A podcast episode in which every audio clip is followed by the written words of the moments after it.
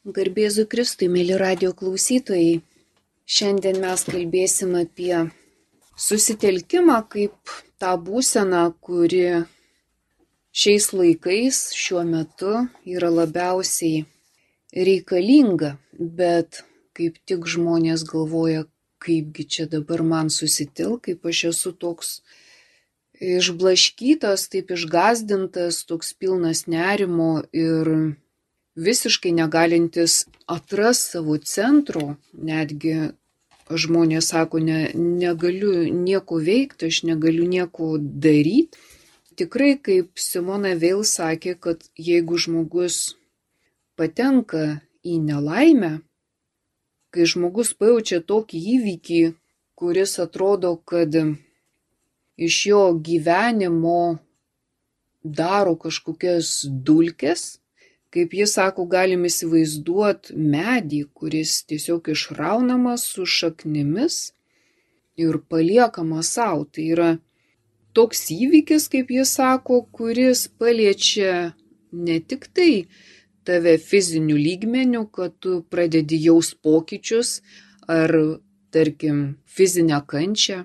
Jis sako, kad nelaimė yra labai didelė paslaptis ir jį ypatinga tuo, kad nelaimės atveju žmogus e, sukrečiamas visais lygmenimis - ir fiziniu, ir psichiniu, ir dvasiniu, ir socialiniu. Visais. Jis sako, kad tiesiog kasgi yra ta nelaimė, kai žmogus nori būti kupinas laimės. Tarsi viskas, kur jis gali aptikti save, tai su kuo jisai tapatinasi, yra atimama laimė. Tai yra, kaip Simona vėl sako, nelaimė dažnai prasideda už tam tikros ribos. Mes gyvename iki tam tikros ribos ir tose ribose mes žinom savo užsiemimus, pareigas, teisės, santykius, savo būsenas ir taip toliau bet jis sako, nelaimė prasideda už tam tikros ribos. Ta riba, ji nėra grinai objektyvi. Tiesiog žmogus yra ten nubloškiamas ir jis net negali atsakyti į klausimą, nei kur jis yra, nei kodėl jis ten yra. Ir dėl to ta nelaimė ir yra, kaip jis sako, tokia gili žmogaus gyvenimo myslė. Nebereikalo, jinai sako, nieko stebėtino, kad nekalti žmonės e, žudomi, kankinami, išvaromi iš savo šalies, pasmerkiami skurdui, vergyjai, įkalinami kalėjimuose. Sako, nieko stebėtino, nes jis sako, vad nelaimė turi paralyžiuoti tiesiog visą, visą gyvenimą ir tu esi tarsi paženklinamas tą nelaimę. Ir sako, supras nelaimę gali tik tie, kurie yra ištikti nelaimės smūgių, tuomet, kai tu jautiesi kaip koks sutraiškytas kirminas, kai tu nerandi ne tik tai žodžių, kaip savo būseną išreikšti, bet tu nerandi, kas tave suprastų. Ir jis sako, kol kas nesusidūrė su tikrąja nelaimė, negali net įsivaizduoti, kas tai yra. Tai yra kažkas visiškai specifiško, ko niekada gyvenime galbūt kai kas ir nepatyrė ir nepatirs. Tai jinai sako, net atjauta tikrai nelaiminga jam, nu tiesiog yra ne, neįmanoma. Net Kristus nelaimės, sakykime, akivaizdoje krauju prakaitavo ir meldė Dievą, kad ta ne, nelaimė, besertinanti nelaimė, praeitų pro šalį. Nes tai yra didžiausia, didžiausias pasityčiojimas iš žmogaus, vien todėl, kad toje būsenoje, kaip Simona vėl sako, nelaimė daro Dievą kurį laiką nesantį nesantį daug labiau negu mirusysis, nesantį labiau negu šviesa aklinai tamsioje kalėjimo kameroje. Tai kai siela užvaldo savotiškas siaubas. O tas siaubas, kad siela jaučia nebūtį, tai yra toks nebuvimo laikas, kaip jinai sako, kuriame tu nejauti meilės, nėra ko mylėti, tu aišku esi tikrai nemylimas. Ir tas Dievo nebuvimas ir, ir yra tos meilės nebuvimas. Arba jis sako tiesiog siela turėtų mylėti jau būdama visiškai tuščia. Kitaip tariant, galbūt siela per tam tikrą Dievo malonę sugebėtų, sugebėtų atrasti meilę tos nelaimės traiškomoje savo širdyje, kada tas žmogus varomas į giliausią neviltį. Simona vėl sako, tam, kuris sukelia tą blogį to širdyje, nėra šitos būsenos. Tas, kuris sukelia, jisai nejaučia tos būsenos. Ta būsena jaučia nelaimėlis. Ir kaip taisyklė, nelaimėlis iššaukia ir kitų žmonių tam tikrą paniką, kaip jinai sako, ne, negailestį, o paniką, kas yra dar didesnė neviltis. Taigi visa tai, kas vyksta, vyksta kažkur tau viduje, kaip ji sakė, kad Jobas buvo tokioj padėty ir jisai šaukėsi liudytojų ne, net ne savo draugus, kurie atėjo ir turbūt nuėjo, pasibaisėjo jo būseną, bet Jobas šaukėsi liudytojų patį Dievą. Ir tada, kai jis pradėjo kalbėti su Dievu, tada jisai suvokė, ko anksčiau nebuvo jo gyvenime. Kad anksčiau jo gyvenime ir nebuvo tokio pokalbio su Dievu. Kad jis atsirado vat tada, kai jis buvo didžiausioje neviltyje. Taigi, kol jis netrado Dievo, nesikreipė į jį, nesišaukė, Jis buvo visiškas, visiškai vienišas toje neviltyje. Jis negalėjo surinkti savęs. Taigi, kai šiandien mes kalbam apie tokią būseną, kai, kai žmonės ištinka nerimas, e, baimė, pasimetimas, nesuvokimas, kas čia vyksta, ar čia tik Ukrainoje tai blogai, ar jau čia visame pasaulyje yra blogai, ar, ar čia tik jiems yra blogai, o galbūt kitiems nėra blogai, tai irgi matom, kad tas toks visuotinis sumišimas, jisai atsiranda ir dėl kiekvieno iš mūsų nesugebėjimo susitelkt. Mes pradedam jaustis panašiai kaip Simona Veil, kad medis, mano gyvenimo medis raunamas tiek socialiniu lygmeniu, tiek fiziniu, tiek emociniu, psichologiniu, tiek dvasiniu. Pradedu nesusigaudyti. Nes kol buvo kažkokios aiškios ribos, kur viskas buvo ramu ir kol ta išorė buvo pakankamai rami, pakankamai gerai jautėmės ir mes savo viduje bet vis dėlto Jobui reikėjo iškentėti tą beprasmišką, sakytume, kančią, bet ji niekada nebūna beprasmiška. Jobas atrado tai, ko jis prieš tai nematė, ko jis prieš tai neregėjo, ko prieš tai jo gyvenime nebuvo. Jis iš tikrųjų susitiko su Dievu. Taigi, kai mes linkim šiandien vieni kitiems susitelkimo, ir ramybės, tai mes tikrai linkim, kad sugrįžtume į tą dvasinį centrą, kad išorinį centrą pakeistume į tą dvasinį centrą, susiderint patiems su savimi, kas iš tiesų yra irgi anapus mūsų, tarsi irgi tas susitelkimas tai yra dėmesio sutelkimas į užrybį, kuris yra napus mūsų, aukščiau už mus pačius, bet taip pat ta vertikalė eina per mus. Mes turim sugrįžti į save, kad galėtume susitelkti į tą dvasinio gyvenimo centrą, kuris viena vertus tikrai mus išves į tą saugų užribį, bet taip pat mes būsime namuose, mes būsime savyje, kaip Augustinas sakė, neklaidžiok išorėje, tavo viduje gyvena tiesa, kitaip tariant, per savo centro langą tu gali žvelgti į pačią tiesą. Ten gali matyti šviečiančią meilį saulę, ten gali jausti vilties šilumą ir tikėti, kad tu niekada nesi vienas Taigi susitelkimas tai yra tarsi atsivertimas, mūsų proto atsivertimas ne į tą tikrovę, kurios iki šiol mūsų gyvenime galbūt nebuvo. Gal mums tas išorinio gyvenimo triukšmas buvo gana saugus tam tikrose ribose. Taigi matom, kad tam, kad aš susitelčiau, man reikia kažką nunulint savyje pačiame, kad aš galėčiau keliaut į tą centrą, kur ramybė tiesiog yra. Kai Jėzus sakė, kad jeigu tavo akis bus sveika, tai visam tavo kūnui bus šviesu.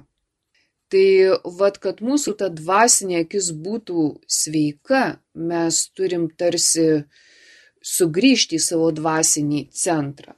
Taigi, kai mes kalbam apie tą tikrąjį susitelkimą, tai mes tuo pačiu kalbam ir apie tuo susitelkimo vaisius, kad mes turėtume atrasti ramybę, turėtume atrasti širdies ramybę, tą vidinę tylą, kai Jėzus nuolat linkėjo ramybės ir sakė, kad netokią jis duoda ramybę, kokią duoda pasaulis. Taigi jeigu iki šiol galbūt užtekdavo ir pasaulio ramybės, tai kai ji ardoma, drastiškai ardoma, matom, kad negana mums to, kas yra pasaulyje, kad mums reikia būtent tos tikros širdies ramybės ir būtent ta susitelkusi dvasia, jinai išlieka rami, jos negali su, sutrikdyti ne tik išoriniai dalykai, bet ir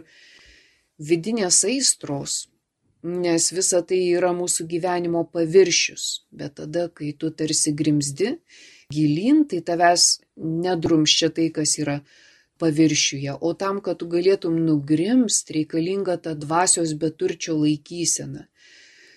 Ir ta dvasios beturčio laikysena tai sako, kad tu turi tarsi ištuštinti save. Tavyje neturi likti to, prie ko tu galėtum prisirišti kaip Simona Veil matė, kad daugybė problemų yra prisirišimuose, kad mes negalim nieko pakeisti savyje, jeigu mes esam prie kažko prisirišę. Nes vat tas, prie ko mes esam prisirišęs ir tampa mūsų tokiu gyvenimo centru, apie kurį mes nuolat sukamės.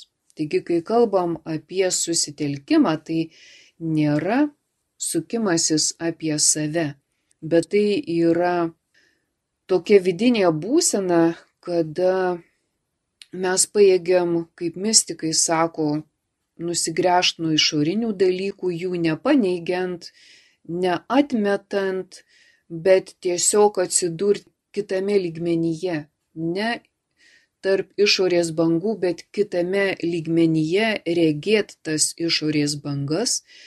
Jeigu mes dar giliau galim susitelkt, dar giliau į save sugrįžt, mes tampam ramesni, paprastesni, nes žiūrim jau ne per išorę, bet žiūrim per dvasios akis. Ir susitelkimas tarsi savaime įveda harmoniją mūsų viduje, kad mes nieko nenaikim, nieko nepanaikinam, bet tampam vis aiškiau regintys tuos pačius dalykus, bet būdami savyje mes nesam taip smarkiai priklausomi nuo tų išorinių dalykų. Taigi tikras susitelkimas mums leidžia užmėgsti tikrą maldą su Dievu. Mes galim tik susitelkę kreiptis į Dievą, nors galimas ir atvirkščias variantas, kada per maldą mes susitelkėme. Ir kai šiais laikais šiuo metu, reikėtų sakyti, mes esame kviečiami maldai, nuolatiniai maldai, tai jeigu mes tikrai nuoširdžiai tai darome, tai pati malda turėtų mus sutelkt savyje. Taigi į susitelkimą mes turėtume žiūrėti ne kaip į kažkokį išnykimą iš pasaulio, kaip į kažkokį nebuvimą, ne, priešingai, kaip į dar intensyvesnį buvimą, nes jeigu mes pasimetame, išsigastame, mums viskas krenta iš rankų, mes nieko negalim daryti, mes jaučiamės tiesiog sužlugdyti. Tai kad taip nesijaustume, nes tuomet iš tikrųjų mes nebūname, mūsų tiesiog nėra. Ir kai kam galbūt net aktualu įvaryti žmonės į tokią būseną, bet dėja galim pastebėti, kad tokiais įtampos laikais žmonės sugeba susitelkti. Ir tai pirmiausiai mes turėtume atrasti save pačius, nes kai mes būnam išsiblaškę, išorėje mes nejaučiame savęs. Tuo momentu, kai mes sugebam susitelkti į save, mes ir atrandame save esančius, save esančius ir atrandame savyje esantį Dievą, kur galim išgyventi santykį su juo, Ten, kur Dievas, ten ir buvimas. Buvimą duoda Dievas, dėl to neturėtume tiek galvoti apie išlikimą, kaip Jėzus sakė, jeigu labai stengsis išlikti, tai tikrai mirsi, bet jeigu nebijosi mirt, tu, tu išliksi, nes ten, kur Dievas, ten, ten yra nuolatinis gyvenimas ir kuo tu labiau sugebi sugrįžti į save, susitelkti, tuo tu labiau aptinki tikrą gyvenimą. Taigi galim sakyti, kad tie gyvenimo išoriniai rūpeščiai, užsiemimai mus įtraukia į vis didesnį nerimą ir tolyn nuo mūsų pačių. Mes įsitraukiame į, į tų dalykų triukšmą ir tarsi patenkam į tam tikrą iliuziją, kuri mus ten įsuka į tą ratą ir jeigu kas nors suardo, vat tą sukimąsi išorėj mes tikrai krentam į didelį beviltiškumą, bet tik todėl, kad nesugebam išeiti iš tos išoriškos situacijos, nesugebam sugrįžti į save. Taigi, sugrįžus į save mes galim pastebėti, kad galim nepriklausyti taip stipriai nuo tų išorinių dalykų, kad tik sugrįžus į save tu gali pajust kad ta dabartis tai yra ta vidinė tavo vieta, kur tu tikrai tik būdamas savyje gali pajust tą tikrovę tokią, kokia jinai yra. Tai nėra kažkoks vien įtempto proto rezultatas, priešingai. Ir protas turi nurimti. Buvimas savyje tiesiog aptinki save esantį nesvarbu kas vyksta už tavęs, nesvarbu, kokie įvykiai, vis tiek tu kvėpuoji, tu esi, tu esi tas, kuris tikrai esi ir vad tada, kai aptinki save tikrai esantį, tu aptinki ir tą, kuris taip pat, kurio vardas esu, kuris esu ir kuris tau duoda buvimą. Taigi žmogus yra pirmiausia ta būtybė, kurio savybė yra buvimas. Ir tuomet, kai tu esi tikrai esanti, tikrai būvanti būtybė, tu pajauti, kad tu esi ir laisva būtybė, kad tau negali viskas būti primesta, kad tu gali turėti vidinį pasirinkimą, kaip tu reaguosi į tai, kas realiai yra. Taigi žmogus kaip ta laisva būtybė, kuri gali turėti intencijas, kuri gali daryti pasirinkimus, gyvenimas tęsiasi, jis nenutrūksta. Ir tada matai, kad tu turi laiko tiek, kiek turi, tu pradedi just, kad tau Dievas su tavo buvimu duoda tą laiką tikrai ne tam, kad tu išvaistytum, bet tam, kad tu kažką padarytum per tą laiką tai, ką tu gali padaryti. Ne kad bėgtum į krūmus, užsidengus akis, bet tai, ką tu realiai gali padaryti toje situacijoje. Ir matai, kad iš tikrųjų tik susitelkę žmogus gali daryti tai, kas būtų gera. Tik susitelkę žmogus. Pragare nėra susitelkimo. Ir tie, kurie pragariškai yra pasmerkti vergaut pragarų, jie yra ištremti iš savęs, jie yra ištremti nuo savęs pačių pirmiausia, nuo kitų žmonių ir nuo paties Dievo. Jie negali susigaudyti realiai net ką jie daro. Jie, jie nesuvokia, ką jie daro. Jie tiesiog yra vergai tos galios, kuri sąmoningai pakreipia juos ten, kur tai, pavadinkim, tai dvasiniai galiai yra reikalinga. Taigi, atkirtų žmogų nuo santykio su Dievu, iš tikrųjų gali įvesti tą žmogų į giliausias iliuzijas. Ten, kur pats žmogus net nesuvokia, kaip Jėzus sakė, aklas aklą veda. Tik tas dėmesingumo išsaugojimas savyje, tas susitelkimas iš tikrųjų leidžia tau aptikti tavo paties viduje ir tavo kaip dvasinės būtybės buvimo reikšmę ir taip pat kaip pajauti, kad tu esi ta dvasinė laisva būtybė, nevergaujanti, nesusivokianti, ką tu renkiesi ir ką tu darai, bet laisva dvasinė būtybė, tada ta vietas praktinis protas tampa nukreiptas teisinga linkme. Taigi tas praktiškumas vėlgi tai nėra tas sukimasis apie save, bet praktiškumas tai yra va ta tikra veikla, dėl kurios tu apsisprendi, būdamas kaip dvasinė būtybė darnoje su Dievu, būdamas santykėje su Dievu, dėl ko taip dabar ypač svarbu nepamest ryšio su Dievu. Ar mes mokam melstis, ar nemokam, ar mes rožinį kalbėsim, ar mes tyloje būsim, bet būkim su Dievu, nes tas buvimas su Dievu tau leidžia būti giliau savo esybėje. Ir tada suvoki, kad žiūrint iš dvasios akimis, tu suvoki, kad tu esi kviečiamas, kad tau teikiama malonė atlikti tarnystę, kuri neštų gėrį ne kuri tarnautų blogiui, bet kuri neštų gėrį ir dažnai tas gėrio nešimas iš tavęs reikalauja aukos. Tas, kuris sukasi apie save, jisai bėgs iš tokių situacijų, jis tikrai ne, neturės tų intencijų, ką aš galiu gerą padaryti toje sunkioje akimirkoje, bet galvos tik apie išlikimą.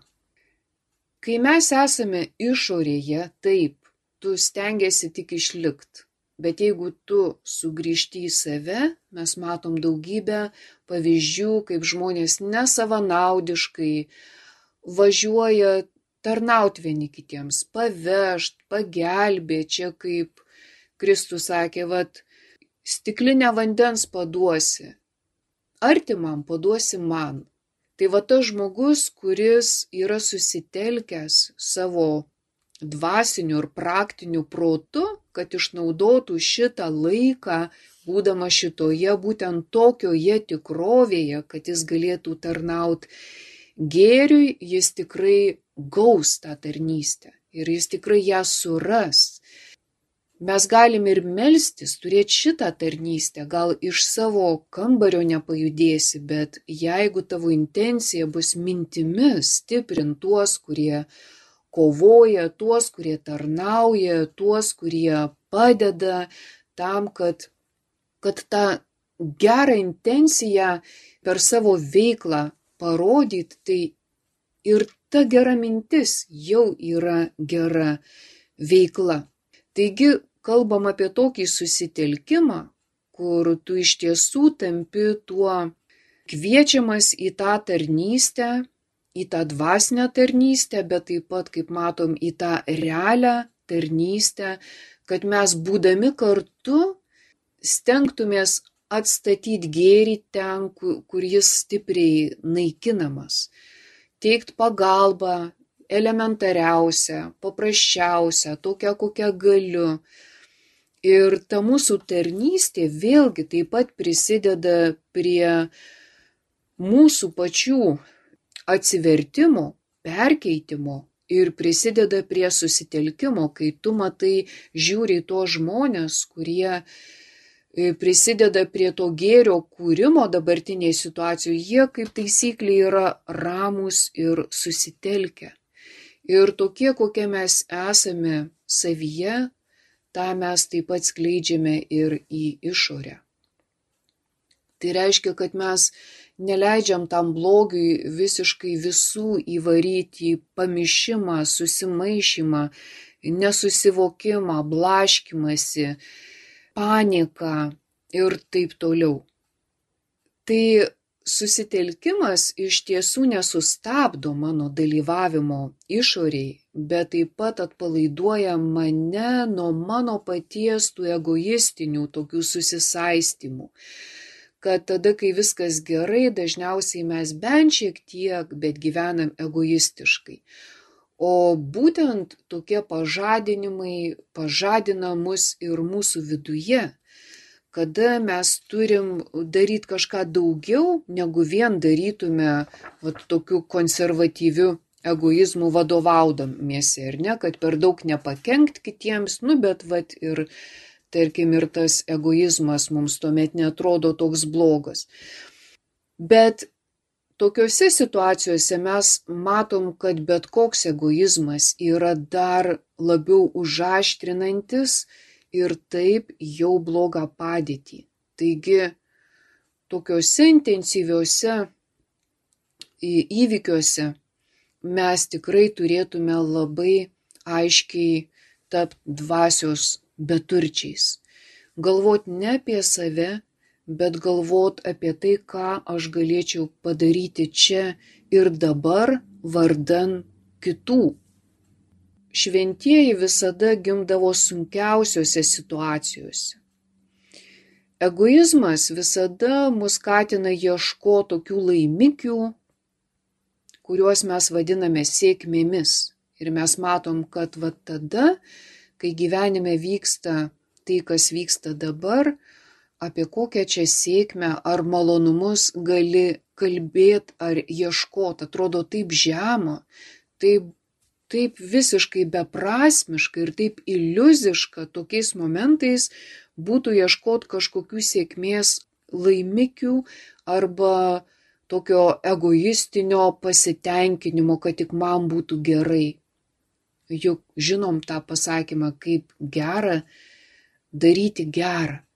Ir ypač tokiuose situacijose, kai tu susitelki ir kai tu priimi tą situaciją, nu tokią, kokia jinai yra, nei gražini, nei menkini, tik tada ir gali nesiblaškyti ir tik tada gali pradėti veikti. Taigi sutelkta veikla visada yra veikla, kurią aš aiškiai matau. Ir tada toje aiškiame matymė aš tikrai galiu rinktis tą Dievo valią, o ne mano e, egoistinį išgastį ar kažkokį e, kitą egoizmo padiktuotą būdą, kad va šitoj vietoje aš galiu ten pasipelnyti labiau arba net neįsivaizduoju, kaip tas egoizmas galėtų suveikti, kas jau sukelia. Mes aiškiai matom, kad ne kas kitas, o tas toks savęs sudėvinimas ir sukelia tokias didelės pasaulinės problemas, tai kaip tu gali asmeniškai toliau saugiai keliauti panašiu keliu. Taigi tas sutelktumas tau leidžia aiškiau pamatyti, kas yra gera, kas bloga. susitelkę mes nesam su, suinteresuoti pasinaudot e, tą situaciją savanaudiškiams tikslam, bet patys išsivaduojam iš to savanaudiškumo tinklų. Taigi tas sutelktumas yra ne tai, kad aš kažką įsigiju, bet tai yra atsilaisvinimas, tai yra tokios tuščios erdvės, tuščios vietos savyje aptikimas, kaip tame giliame vandenyne. Paviršius gali būti labai banguotas, bet kuo tu labiau grimsti, tuo tu didesnę tylą atrandi, didesnę rimtį, ir didesnį sutelktumą, ten net vandens tankis yra didesnis. Taigi, kai mes grįžtam į save, tai tikrai tu suvoki, kad tu negali kitaip gyventi, pildant Dievo valią, tu ten vis arčiau pajunti Dievo, dievo buvimą ir Dievo akivaizdą, kad tu negali gyventi tik tai savo, o kaip tada kitaip gyventi? Tarnaujant kad tu negali suktis apie save, bet tu turi suktis kaip tarnas apie kitus, jeigu tu kažkuo gali pasitarnauti. Taigi tuomet tas nerimas, baimė, panika ar nuovargis tiesiog dinksta, nes tavyje įsijungia kiti matmenys. Ir ta Dievo malonė yra ta maitinanti mana tada, kai tu pasirenki tą tarnystę. Ir tada matai, kad čia nėra svarbus kažkoks intensyvus tavo mąstymas, bet čia yra svarbus tavo aiškus matymas. Vietoje didelės įtampos jinai pamažu dinksta, kad tas aiškus regėjimas tarsi sutvirtina ir tavo valią, ir tavo jausmus, ir tavo mintis, ir tavo jėgas Mes žinom, kad bet koks nerimas ar baimė yra priešingas susitelkimui. Jeigu tu sugebi susitelkt, tada nerimas ir baimė savaime yra įvaldomi. Jie tarsi tampa tokiais ne pirmaeiliais bent jau. Ir žinai, kad tu čia ne savo pastangomis tai darai. Bet tik todėl, kad tu kažkur giliau patekai, kad tu sugrįžai į save ten, kur niekas negali nei nušaut tavęs, nei, nei iš lėktuvo, nei iš tanko, ten niekas tavęs negali paliest. Tai yra ta vieta, kur, kur tu esi, bet tai yra ta vieta, kur tu gali pajus, kad Dievo meilė visada yra ir tamsiausioje naktyje, kad tau nereikia rūpintis savo būtimi, nes ir iki šiol tu tiesiog viską iš Dievo gaudavai. Tai tas pasitikėjimas Dievu susitelkime yra kaip tas vaisius, kurį tu gauni. Taigi tu nustoji galvot apie save ir kuo mes mažiau galvojam apie save, tuo daugiau galim susitelkti nes matom gyvenime problemos labiausiai sukasi apie save. Ir žinoma, mes turim pagalvoti apie tai, kad jeigu ateis tas laikas, kai reikės ir mums bėgti ar slėptis, ką aš tada daryčiau, bet daug geriau apie tai pagalvoti ramiai, kaip apie realią situaciją, ar ramiai pagalvoti galbūt aš rinksiuos niekur nebėgt, gal aš negaliu niekur bėgt, gal man tiesiog reikia pasilikti ten, kur aš esu. Bet apie tai galim galvoti tik tai nusiraminę, kaip mes sakytume, arba tiesiog susitelkę tame Dievo artume. Taigi, kalbėti apie susitelkimą yra lengva, bet susitelkt greičiausiai nėra taip lengva, nes tai nėra mūsų valios išauktas poveikis, bet tai yra mūsų buvimo tam tikroje dvasinėje vietoje poveikis.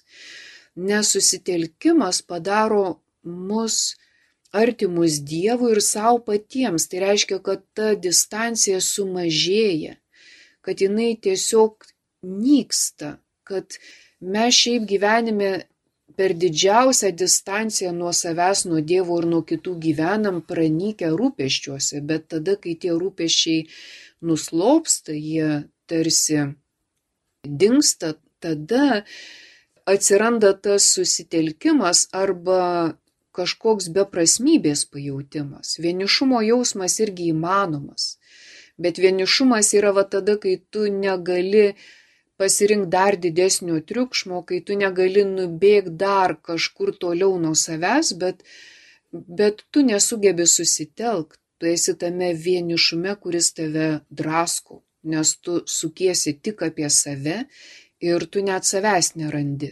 Tai yra pragaras, tai yra ta būsena, kai tikrai norisi visų šaudyti, sprogdinti ir, kaip Sartras sakė, tada atrodo pragaras kiti.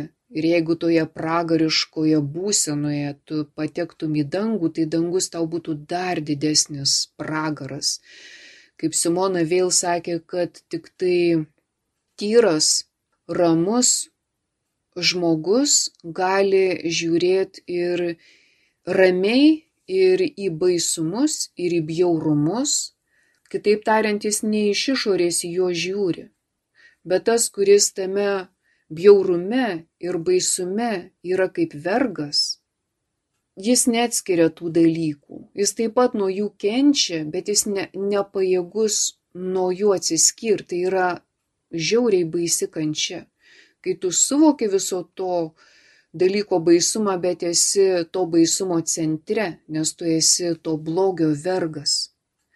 Taigi mes smerkiam to žmonės, bet tikrai turėtume suvokti, kad, kad jiems yra žymiai blogiau negu tiem žmonėms, kuriems sukelia jie tokią didelę nelaimę, kaip Simona vėl sako, kada tu esi paliečiamas, sukrečiamas visais lygmenimis.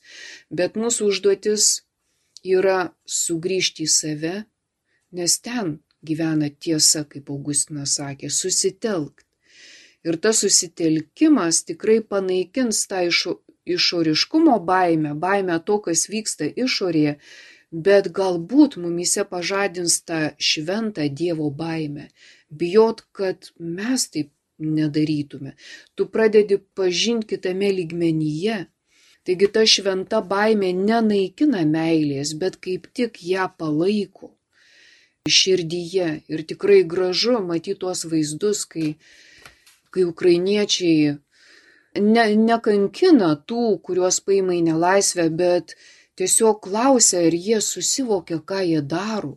Ir kaip taisyklė, tie jauni, vos ne vaikai, jie, jie nesupranta, ne, net kur jie yra, kur jie pasiūsti, žino tas, kuris juos pasiuntė.